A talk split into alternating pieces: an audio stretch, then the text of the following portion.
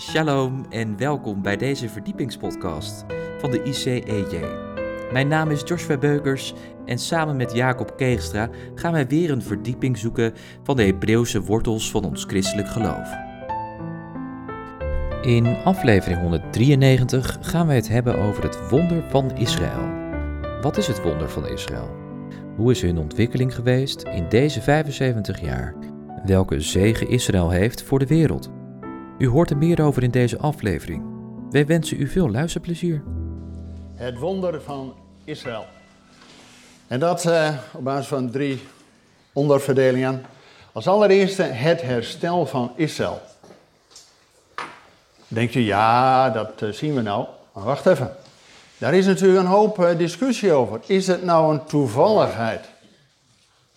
Of een soort schuldbesef na de holocaust dat Israël er weer is?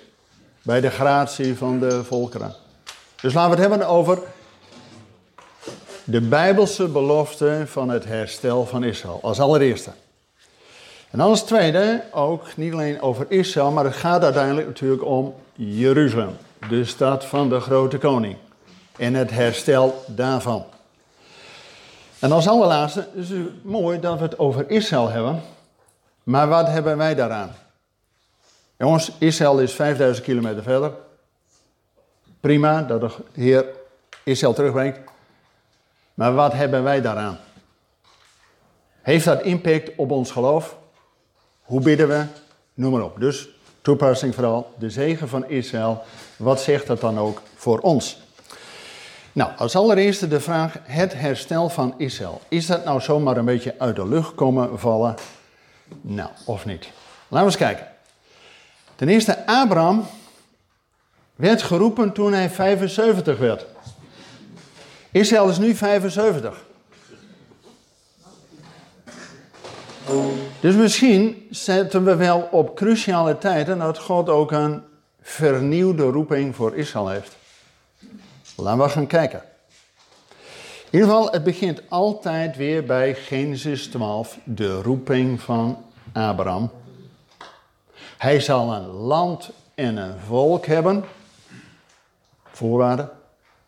En hij zal tot zegen zijn voor de hele aarde. Dus ook voor ons. Maar goed, dat is uh, eh, 4000 jaar geleden. Hoe zit dat nu?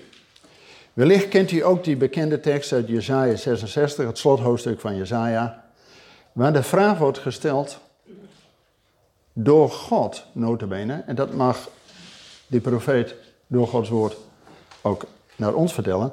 Kan een volk in één dag geboren worden? Kan dat zomaar?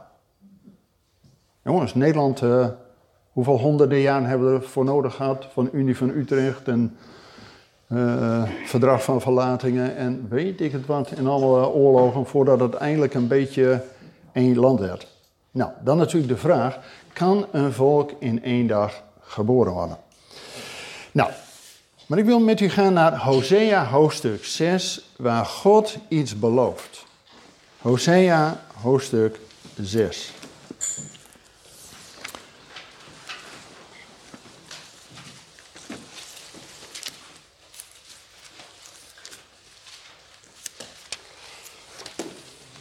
U weet, als we toch eerst over Abraham hebben en hadden. Abraham is geboren als je de tijdrekening bij Adam en Eva echt op nul zet, en dat is volgens de Hebreeuwse kalender het geval, dan is Abraham geboren in het jaar 1948. Dat is helemaal geen moeilijk doenerij met, uh, weet wat, je kunt gewoon in de geslachtenlijn, geslachtenlijn van uh, um, Genesis lezen wanneer mensen de volgende generatie iemand was zo oud, verwerkte die. En, dus als je dat optelt, 1948. Toch ook wel bijzonder dat de moderne staat Israël in het jaar 1948 vanaf een nieuw nulpunt, de Messias van Israël, Jezus, is ontstaan. Maar goed, inmiddels hebt u Hosea hoofdstuk 6. En daar staat, Hosea hoofdstuk 6, Komt, laten we terugkeren naar de Heer. Want die heeft verscheurd, maar hij zal ons genezen. Hij heeft geslagen, maar zal ons verbinden. Na twee dagen zal hij ons levend maken. Op de derde dag zal hij ons doen opstaan. En we eens even schrift met schrift vergelijken. Wat staat er in 1 Petrus hoofdstuk 2? Dit moet u niet ontgaan, dat één dag bij de Heer is als duizend jaar en duizend jaar is als één dag. Oké. Nog even vanuit die Hebreeuwse wortels die we hier al vijf jaar mogen met u samen mogen bestuderen. We weten dat Jezus, Yeshua, is de alpha en omega. En dat is Grieks. In het Hebreeuws de alef en de taf. Nummer 1 en ook slotnummer. Hij is onze leidsman en onze volleinder. Hij is het begin en hij is het eind. En hij is het focuspunt. Maar die alef, nummer 1, iets anders is het elf en dan, zelfde medeklinkers, dan is het duizend. Dus dat Yeshua komt ook helemaal hierin mee. Dat hij één dag is als duizend jaar. Want dit is natuurlijk ergens een messiaanse tekst. Alles over Israël heeft natuurlijk ook impact op het focuspunt van Israël. Over de Messias van Israël. Nou, wij, wij kennen als christen allemaal het principe van de derde dag. Nou, dat staat hier ook al. Na twee dagen ten derde. Jongens, na twee dagen ten derde. Eén dag is als duizend jaar, duizend jaar is één dag. Dus dat is 2000 jaar na Jezus. En inmiddels in het derde millennium. Dus dat spreekt over deze tijd. Hè? Wij leven nu 2000 jaar na Jezus. En inmiddels in het derde millennium. Dus wat er staat hier? Na twee dagen en ten derde dagen. Staat niet na het eind van die derde dag. Nee. Dus het keerpunt is na twee dagen ten derde. Wij leven nu in die tijd. We leven 2000 jaar na Jezus, inmiddels in het derde millennium. Maar ik wil u meenemen nog naar een nog preciezere aankondiging van de wedergeboorte van Israël. En dat is de Holocaustpsalm. Psalm 102. Psalm 102.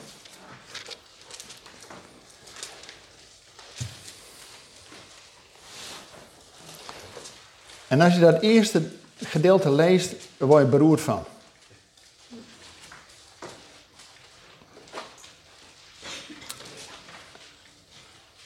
Psalm 102. Als ik begin bij vers 9. Mijn vijanden honen mij de hele dag. Wie tegen mij razen, gebruiken mijn naam als een vloek. Want ik eet as als brood. Wat ik drink, meng ik met tranen. Vanwege uw gramschap en uw grote toorn, want u hebt mij opgetild en neergeworpen. Mijn dagen zijn als een langer wordende schaduw, ik verdor als gras. Jongens, kom maar en kwel. Maar altijd doorlezen. Bij God is het nooit een punt, altijd een komma en dan en nou. Vanaf vers 13. Maar u, Heer, u blijft voor eeuwig. De gedachtenis van uw generatie op generatie. En nou komt hij. U zult opstaan u zult zich ontfermen over Sion, want de tijd om haar genadig te zijn, de vastgestelde tijd, is gekomen. Jongens, in 1948 was de set time, the, anoint, the anointed time. De vastgestelde tijd. Dat Israël weer tot leven is. Alleen wat hebben wij er nou aan en wat is nou de boodschap voor ons? Er staat in vers 19, dit wordt beschreven voor de volgende generatie. Het volk dat geschapen wordt zal de Heer loven, want hij heeft uit zijn heilige hoogte neergezien. De Heer heeft uit de hemel op de aarde neergekeken. Amen. Maar dat is een vrij vlakke vertaling. Er staat dus in het Nederlands, dit wordt opgeschreven voor de volgende generatie. Nou, als wij er niet meer zijn, dan is het weer de volgende generatie. En dan kun je dan zeggen, ja, de volgende en de volgende en de volgende. Ja, Maar er staat in Hebreeuws hier, vers 19, dit wordt opgeschreven voor de laatste generatie. Hoe lang duurt de generatie? Nou, Psalm 90, 70 jaar indien we sterk zijn, 80 jaar. Jongens, we zijn inmiddels 75 jaar onderweg, hè? Dus dat Israël tot leven is geroepen en wij nu 75 jaar onderweg zijn, dat is een boodschap van God. Alleen, wat zegt dat nou voor ons? En dan wil ik met u kijken naar, nou, eerst nog Ezekiel 36 en 37, ongetwijfeld bekend. In hoofdstuk 36 wordt al gezegd, hij die Israël verstrooid heeft zal hen terugbrengen. En dan hoofdstuk 37, het dal van die dorre doodsbeenderen. Nou, als dat niet de holocaust is, dan weet ik het niet meer. We weten dat Israël twee derde zal uitgeroeid worden. Dat is gewoon, staat in Gods woord. Nou, met de holocaust, er waren 11 miljoen Joden voor de oorlog. Er zijn 6,5 vermoord. Dat is precies twee derde, hè? Dus die profetie is al gebeurd. En dan staat er het de andere helft van hoofdstuk 37, dat God tegen Ezekiel zegt, eigenlijk een vraag, kunnen deze botten herleven? Nou, Ezekiel, die heeft weinig hoop. Je zult alleen maar zo'n dal door de doodsbeenderen. Babejar, hè? Ken je dat? Naast Kiev. In één weekend 30.000 mensen over de kling gejaagd. Nou, als je dat ziet, dalde door de doodbeenderen. En vraag God aan Ezekiel. Kunnen die botten herleven? Nou, Ezekiel. Maar weet je wat hij zegt? Hij kijkt daar niet naar. Hij zegt, Heer, u weet het. Jongens, we kunnen naar die omstandigheden kijken denken, dit wordt hem niet. Maar hij kijkt omhoog en zegt, u weet het. En dan moet hij profiteren dat die botten weer aan elkaar. En warempel.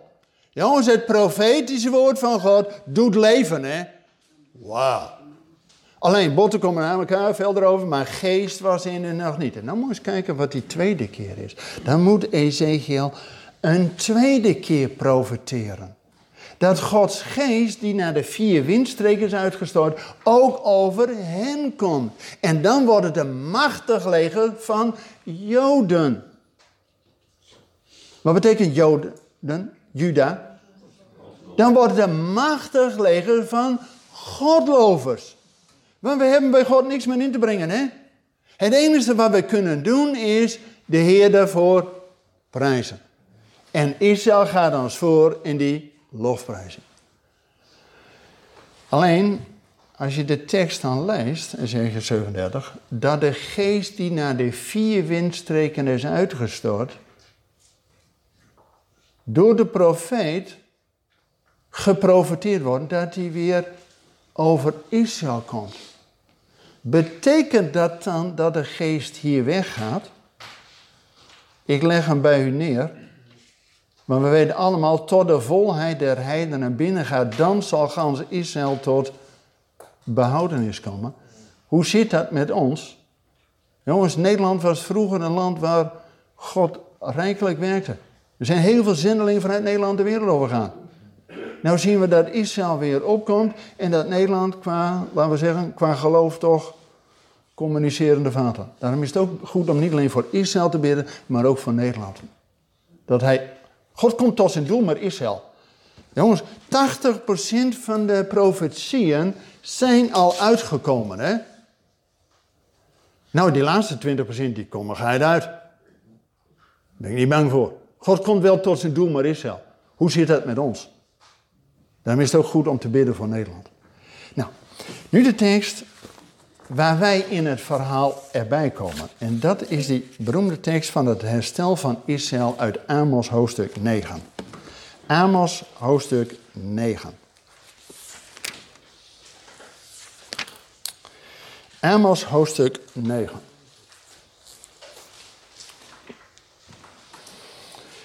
En ik lees vanaf vers 11 over de belofte van herstel. Dus dat het herstel van Israël niet maar een toevalligheid is, maar volledig belofte van God. Amos 9 vanaf vers 11 en daar staat: Op die dag zal ik oprichten de vervallen hut van David. Zijn scheuren zal ik dichtmaken en wat van hem is afgebroken zal ik oprichten. Ik zal hem opbouwen als in de dagen van oude tijden af. Tot zover. David was een man naar Gods hart. David was de koning die maar één ding wilde: om de tabernakel en de eik van God naar Jeruzalem te brengen. Alleen hij mocht geen tempel bouwen. Hij had te veel bloed aan zijn handen, maar die zoon van hem, Salomo, koning van Shalom, die zal tempel bouwen. Wat David wel deed, is dat hij de ark naar Jeruzalem bracht en die stond eerst in een eenvoudig tentje. Dat is de tent van David, de Sukkah David. En wat deed David? Hij ging de eredienst instellen. Want in de tijd van Mozes werd er in de tabernakel nog geen loflied gezongen. David ging 120 muzici, zangers sponsoren om de Heer dag en nacht te loven en te prijzen. Dus die koning van Israël deed al wat God straks helemaal met Israël gaat doen om ons voor te gaan in de lofprijzing. En wat hebben wij nou met die hut van David te maken? Nou, die komt terug in het Nieuwe Testament in Handelingen hoofdstuk 15. Handelingen hoofdstuk 15. Dan hebben we de uitstorting van de Heilige Geest gehad. Petrus gaat uh, het goede nieuws in Israël vertellen. Paulus wordt bekeerd op zijn weg naar Damascus, komt tot inkeer en gaat daarna het evangelie naar de volkeren brengen. En dan op een gegeven moment hebben ze in Jeruzalem een eerste kerkelijke vergadering, eerste concilie, handeling 15. Over één vraag kun je daar gezoet mee zijn, maar één vraag. De vraag was, wat moeten we nou met die gelovigen uit de heidenen doen? Mogen die er nou bij horen of niet? Hoe zit dat eigenlijk? Jongens, tegenwoordig hebben we de vraag omgedraaid. Mag Israël wel in de kerk komen? Moeten ze zich aanpassen? Dat hebben we 2000 jaar gehad, hè? Ze moesten hun Jood zijn helemaal afleggen. Ook als je alle beelden van, van Jezus ziet, niks Joods meer aan. Dus we hebben de vraag volledig omgedraaid. Maar de oorspronkelijke vraag, de eerste concilie te Jeruzalem was de vraag: wat moeten we nou met die gelovigen uit de heidenen doen? Nou, Petrus heeft een verhaal. hij werd geroepen om naar Cornelius te gaan. Hij had helemaal geen zin, hè? Hij had helemaal geen zin. Maar er moet drie keer een visioen van God komen dat hij zegt: Oké, ga erheen. En hij hoeft alleen maar zijn mond open te doen en de Heilige Geest valt op Cornelius' hele gezin. Je kent het verhaal. Nou, dus dat vertelt hij. Dan vervolgens Paulus over zijn zendingsreis dat massaal mensen tot geloof komen. En dan is de laatste die het woord voert, is de halfbroer van Jezus, Jacobus. Het hoofd van de eerste gemeente te Jeruzalem. En dan zegt hij, handelingen 15. En dan hadden ze allemaal van alles en nog wat verteld. En dan vanaf vers 13. Dan krijgt de laatste, hè, hoofd van de gemeente, krijgt het door. Toen zij zwegen, antwoordde Jacobus. Mannenbroeders, luister naar mij. Simeon, dat is Petrus, heeft verteld hoe God voorheen naar de heidenen heeft omgezien om voor zijn naam uit hen een volk aan te nemen. En hiermee stemmen de woorden van de profeten overeen, zoals geschreven staat: Hierna zal ik terugkeren en de vervallen hut van David weer opbouwen. En wat ervan is afgebroken, weer opbouwen en ik zal hem weer oprichten. Opdat de mensen die overgebleven zijn, de Heer zouden zoeken.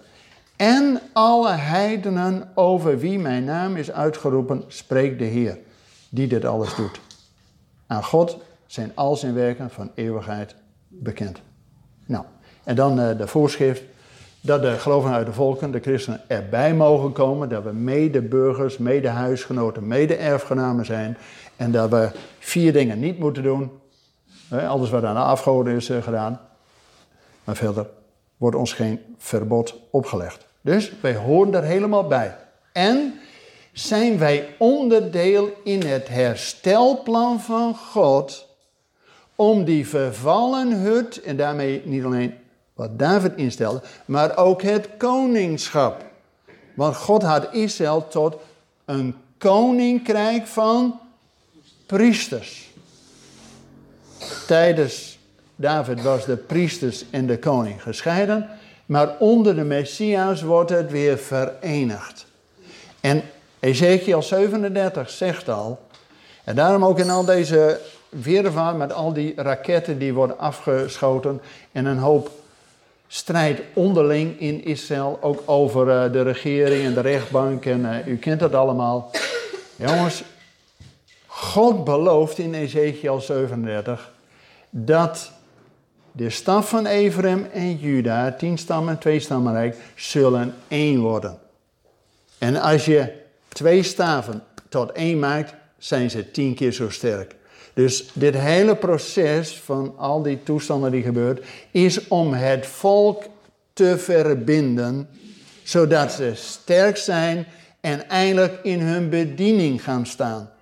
Maar daar gaan we het over hebben, wat die bediening is. Maar eerst het punt dat wij als gelovigen uit de volkeren erbij horen in het herstelplan van God, dat die lofprijs niet alleen door Israël, maar ook door ons wordt gedaan. En daarom dat die eerste gemeente in Jeruzalem, dat wij er helemaal bij horen. Weet u hoe groot dat die eerste gemeente van Jeruzalem was? Enig idee. We weten niet zeker, ik bedoel, staat niet in de Bijbel, maar uit de Joodse bronnen. Ongeveer 80.000 mensen kwamen dagelijks bijeen het tempelplein en braken het brood aan huis. Gewoon huisgemeentes. Van de twee groepen die overgebleven zijn, want er waren vijf groepen toen in de tijd van de eerste tempel, waren de Fariseeën, de Sadduceeën, de Zeloten, de Essenen en de Messianen. Alleen de Fariseeën en de Messiaanse zijn overgebleven. En God gaat herstel geven tussen Israël en wij die met Israël verbonden zijn. Daar gaan we het over hebben. Dus het eerste punt was: het herstel van Israël komt niet uit de lucht vallen. Het is een belofte en een plan van God. Nou, het tweede punt over de kern van Israël, over Jeruzalem. Wat heeft het nou voor zin dat Jeruzalem herstelt? Nou, eerst nog over hè, dat Israël tot herstel komt met het hele programma dat God zijn volk verstrooid heeft en hen weer terugbrengt. Dus de alia, de terugkeer, waar wij als gelovigen uit de volkeren hen in mogen helpen, want ze zullen op de schouders gedragen worden en vreemdelingen zullen hun brengen op schepen. Noem maar op, jongens, wij doen helemaal mee in het plan van God als wij de Alia, de terugkeer van Israël, zegenen. Nou, even een aantal getallen, even een aantal jaartallen. Uiteraard op basis van die tekst Jeremia 31, hoort kustlanden. Nou, wij zijn een van die kustlanden.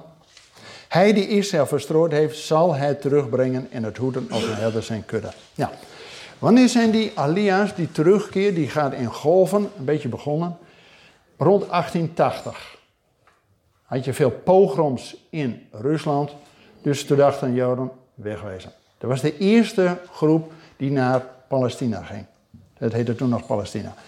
Toen aan het eind van de Eerste Wereldoorlog kregen ook met name weer uit Oost-Europa, Polen en Rusland de mogelijkheid om naar Israël te gaan. Dan na de staat Israël, 1947 en natuurlijk uiteraard 1948. In dat hele verdelingsplan, hè, wat het Britse mandaat had, moesten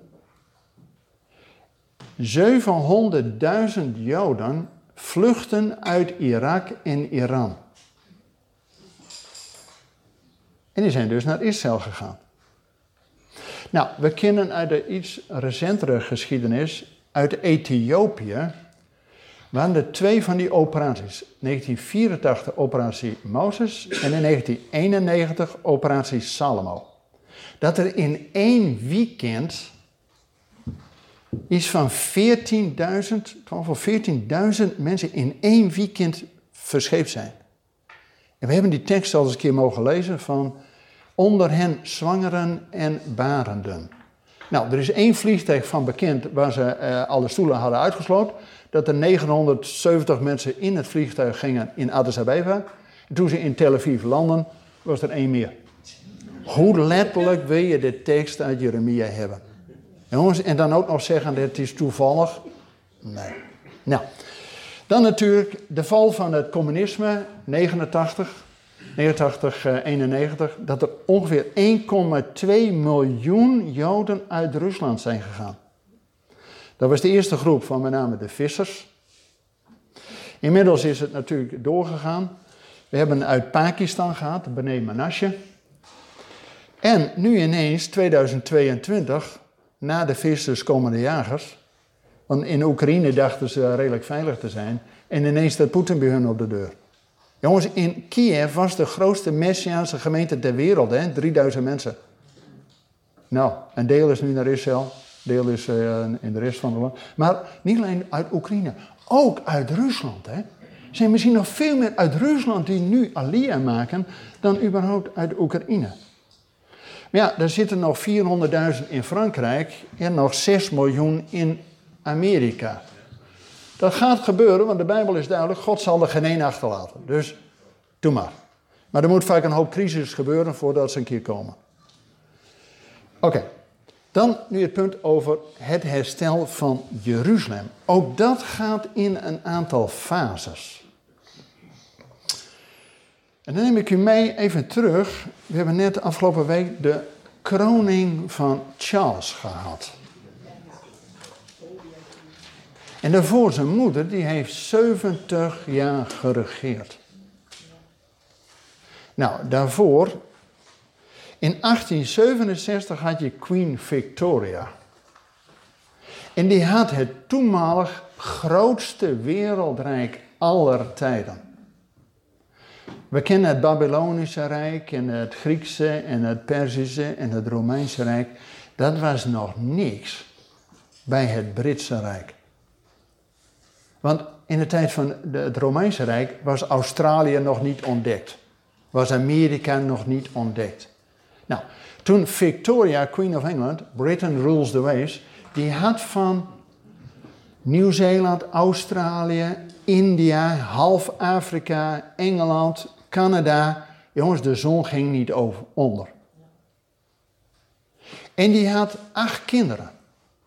En die waren allemaal getrouwd met vorsten uit Europa. Eén met het tsaar van Rusland, een ander hiermee en een ander daarmee.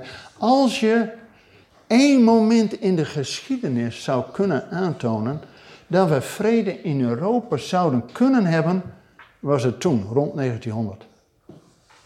Want haar kinderen waren allemaal met vorsten in Europa getrouwd. Nou, als je een beetje harmonie in het gezin hebt, heb je ook harmonie tussen al die vorstenrijken. Er is zelfs in Nederland, in Den Haag, een vredestempel gebouwd. Alleen ja, direct na 1914, Eerste Wereldoorlog, hebben ze dat maar omgedoopt tot Vredespaleis. Een vredestempel gaat er niet meer worden. Oké, maar die Queen Victoria deed wel één ding. Die zond een archeoloog, Charles Warren, naar Jeruzalem.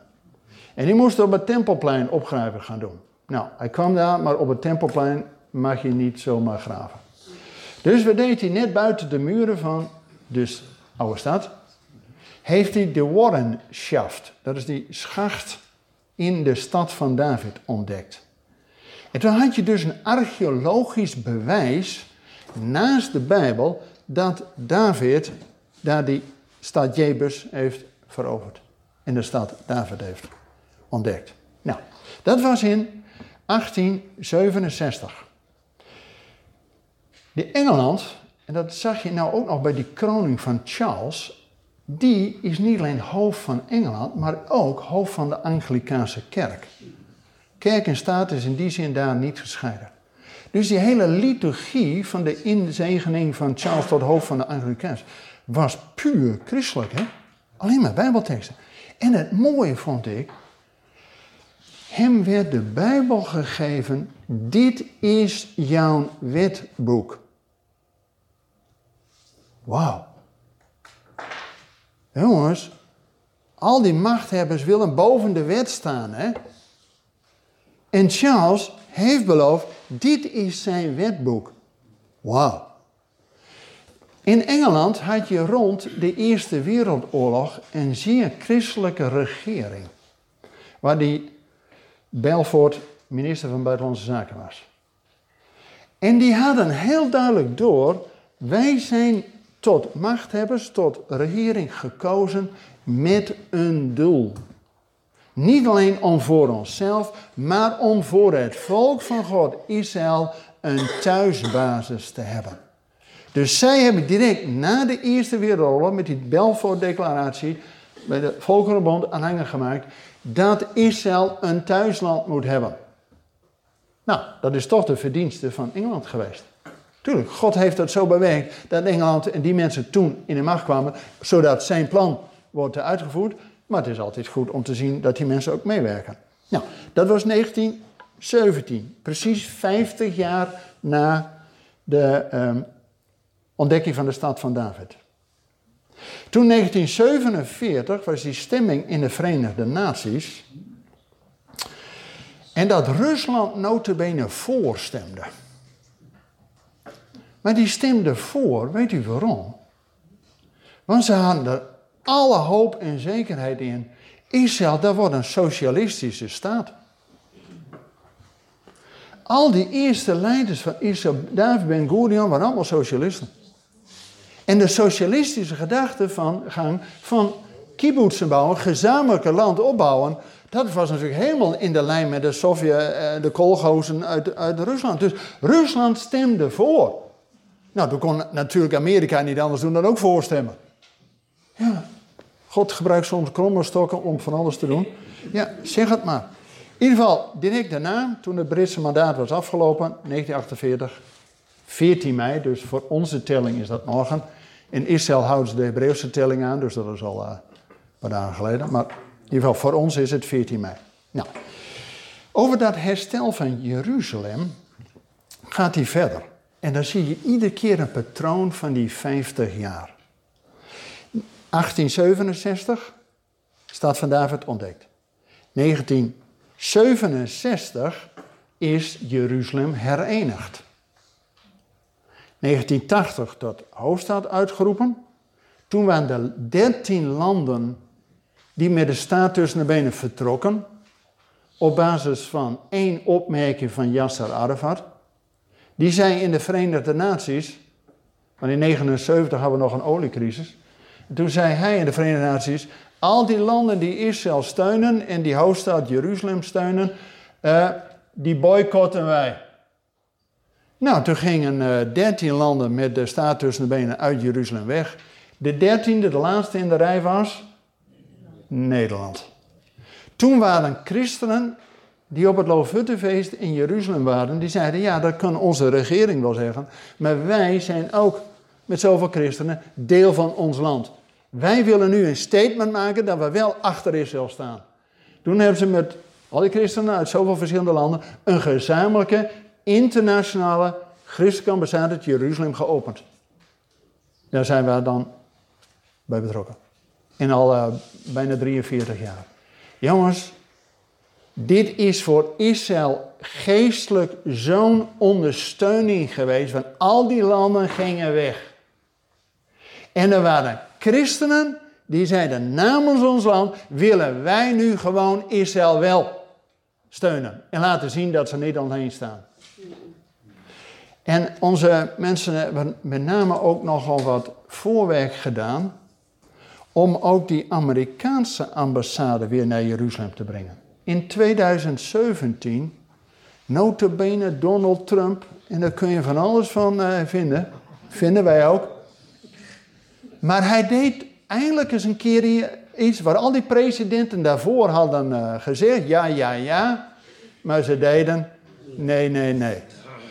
En Trump, bijna op de laatste dag van uh, het jaar, half december 2017, heeft toch de Amerikaanse ambassade naar Jeruzalem. En in de slipstream van Amerika is nu ook Honduras, uh, Hongarije. En we zijn druk bezig om met de Filipijn, nee, Fiji, sorry, Fiji, om ook hun ambassade naar Jeruzalem te krijgen. Dus je ziet, jongens, dit is niet maar toevallig. Hè? Dit is een patroon van iedere 50 jaar dat God weer nieuwe dingen gaat doen, want Hij wil tot zijn doel komen. En wat is nou zijn doel? Dat is nummer drie, de zegen van Israël. Want God had Abraham al geroepen, een land en een volk. Leuk. Maar tot zegen voor de hele wereld. En toen Israël voor de eerste keer weer in het land was, na Egypte, na 400 jaar in Egypte, toen hebben wij, wij, Gods woord gekregen. De tweede keer dat Israël uit het land naar Babel en terugkeerde, hebben wij Gods Zoon en Gods Geest gekregen. Nu Israël voor de derde en laatste keer terugkomt in het land, wat is de bedoeling van God? Laten we eens gaan kijken hoe God in dat proces aan de gang is. 1948 heeft Israël met al die kibbutzen het land weer ontgonnen. Jongens, Mark Twain zei in 1888: Het land is zo onherbergzaam en zo kaal, er wil nog geen boom leven. Zo kaal was het land. En de kalifaat, de islamitische kalifaat, heeft 400 jaar over Israël geregeerd. Van 1517 tot 1917. Ze hebben 400 jaar de kans gehad om Jeruzalem tot een hoofdstad gemaakt. Niet gedaan. Toen Israël weer kwam in 1947, hebben ze van woestijn en van moerassen in het noorden de boel weer ontgonnen. En zodanig, jongens, dit vind ik nou echt een wonder. Hè? Ik heb jaren op de boerderij gewerkt. En mijn opa, die had al verstand van aardappelen. Mijn pa was keurmeester van aardappelen, 40 jaar lang. Ik heb 20 jaar in zijn voetsporen dat geweest. Om daar een beetje verstand van podaardappelen te hebben, dat duurt een aantal jaren. Als je dan bedenkt dat Israël 2000 jaar lang niet in het land is geweest. En ze hebben nooit in het gilde mochten ze. En ze hebben ook geen land gekocht. Want als je moest vluchten, ja, dan kun je het land niet meenemen. Dus ze deden alleen geld en diamanten, dat soort, dat mocht dan nog net. En dan kon je in ieder geval nog meenemen als je moet vluchten. En ze komen terug in het land en ze zijn als een van zo'n kleinste landjes van de wereld een enorme exporteur van vruchten. Zij hebben, de, en gewoon profetie, Jezaja 27 vers 6, waar staat, zij zullen de wereld zegenen met vruchten. Ja, sinaasappels, de minola's en, jongens, die druppelirrigatie. Ik heb jou in het bestuur van het waterschap hier gezeten. Nou, vroeger was vooral uh, zorg dat er zoveel mogelijk water weggaat. Naar de Waddenzee en uh, noem maar op. Tegenwoordig is de vraag, hoe houden we het water vast? Nou, dan kunnen wij een hoofd van Israël leren. Hè? En Israël, die druppelirrigatie, daarmee ze de, de, de eh, bewoonbaar en vruchtbaar maken. Maar dat exporteren ze ook naar Afrika. Hè? Noem maar op, ze zegenen de wereld nou met vruchten en met, hoe maak je de vruchten? Dat is de eerste. De tweede is dat al die kibbutzen zijn inmiddels omgeturnd tot fabriekjes voor speelgoed. Ook fabriekjes voor andere ontwikkelingen. En ook vooral voor medicijnen en informatietechnologie. Jongens, hebben nu ontdekt dat als je darmkanker hebt, dan moest je vroeger met, weet ik wat allemaal, moeilijk. Maar nu hebben ze ontdekt dat ze een, een klein pilletje, er zit een cameraatje in, met een eh, Bluetooth. En die slik je gewoon in, die gaat gewoon vanzelf door je darmen. En met Bluetooth kunnen ze precies op de camera zien wat er scheelt. Zonder dat je allerlei slangen en toestanden moet hebben. Nou, dat is maar één van die uitvindingen. Israël hè, we hebben nou weer uh, de krant, de Stentor staat weer helemaal vol met negativiteit over 75 jaar Israël. Jongens, als je negatief over Israël bent, in die BDS, die boycott uh, Israël weg, en die wil dan geen vruchten van Israël, nou, zeg ik, nou, ik prima. Koop de sinaasappel uit Spanje. Maar wacht even. Die, die, uh, heeft iemand een smartphone? Ja, dan moet die ook aan de kant leggen. Want die Intel-chip komt uit Israël. Heb je, heb je een computer met zo'n USB-stick? Moet die ook niet meer gebruiken, want die komt ook uit Israël. Heb je zo'n zo'n beveiligingscamera op je uh, huis en cybersecurity? Moet je die ook niet meer gebruiken. Komt uit Israël. Jongens, Israël zegent de wereld nu met medicijnen en met informatietechnologie. Gebeurt gewoon. Maar dat is niet het uiteindelijke doel. Het uiteindelijke doel hoorde ik in 2017. Ik heb het wellicht al een keer vaker gezegd. Maar dat is goed om dingen te herhalen. Want 75 jaar is niet alleen om te vieren, is om vooral om te herinneren wat God gedaan heeft. En alles wat God gedaan heeft in 75 jaar. Ik heb het nog niet eens over al die vijf oorlogen, hè. Waar God Israël heeft geholpen. Maar dat is, als je herinnert, krijg je vreugde van God hebben die zijn volk niet in de steek laat. En weet je, 2017 was ik met een grote groep op het Loofhuttenfeest en er kwam de minister van Religieuze Zaken. En die zei, we gaan naar fase 3. Ik zei, amen. Help me even, wat is fase 1 en 2, dan ben ik met je. Nou, hij zei, fase 1 is dat we vanaf 1948 het land ontwikkeld hebben en weer vruchten geven. Fase 1. Fase 2, dat we nu als, uh, de wereld zegen met medicijnen en informatietechnologie. Amen. Hij zei, maar we gaan naar fase 3. En dat is dat met de regering is afgesproken om 5 miljoen shekel per jaar te investeren in bijbels onderwijs. Want die minister van Religieuze Zaken, hij zegt, het gaat er niet om dat we terugkeren naar dat land. In onze levens, in de jeugd, in de disco's in eiland verbrengen. Het gaat erom dat we gevoed worden met het woord van God, zodat we weten wat God in zijn woord zegt. Het slot van de Torah. Als Israël op weg gaat naar het beloofde land, is het, ik zal jullie stellen tot een voetveeg voor de volkeren. Nee, dat staat er niet. Dat hebben wij ervan gemaakt, 2000 jaar. Maar er staat, Deuteronomie 28, ik zal jullie stellen tot een hoofd der volkeren. En het hoofd wordt gezegend om tot een zegen te zijn voor al zijn broeders. Wij hebben ervan gemaakt een voetveeg, maar God zal zijn volk zijn. En dat God nu, na 2000 jaar, dat draad weer oppakt met zijn volk. Hen fysiek herstel geeft, Ezekiel 37. En dan geestelijk herstel geeft, zodat ze tot een zegen voor de volkeren gaan worden. Want eenmaal zal de wet des Heren vanuit Sion en het woord van God vanuit Jeruzalem gaan. Bedankt voor het luisteren naar deze verdiepingspodcast van de ICEJ. Waardeert u onze podcast? Steun ons dan. Dat kunt u doen door een donatie of door deze podcast te delen met uw vrienden of familie. Meer informatie hierover vindt u op icej.nl. Volgende week volgt er uiteraard weer een nieuwe aflevering van deze verdiepingspodcast. Luistert u weer met ons mee? Ik hoop van wel. Bedankt voor het luisteren en tot volgende week.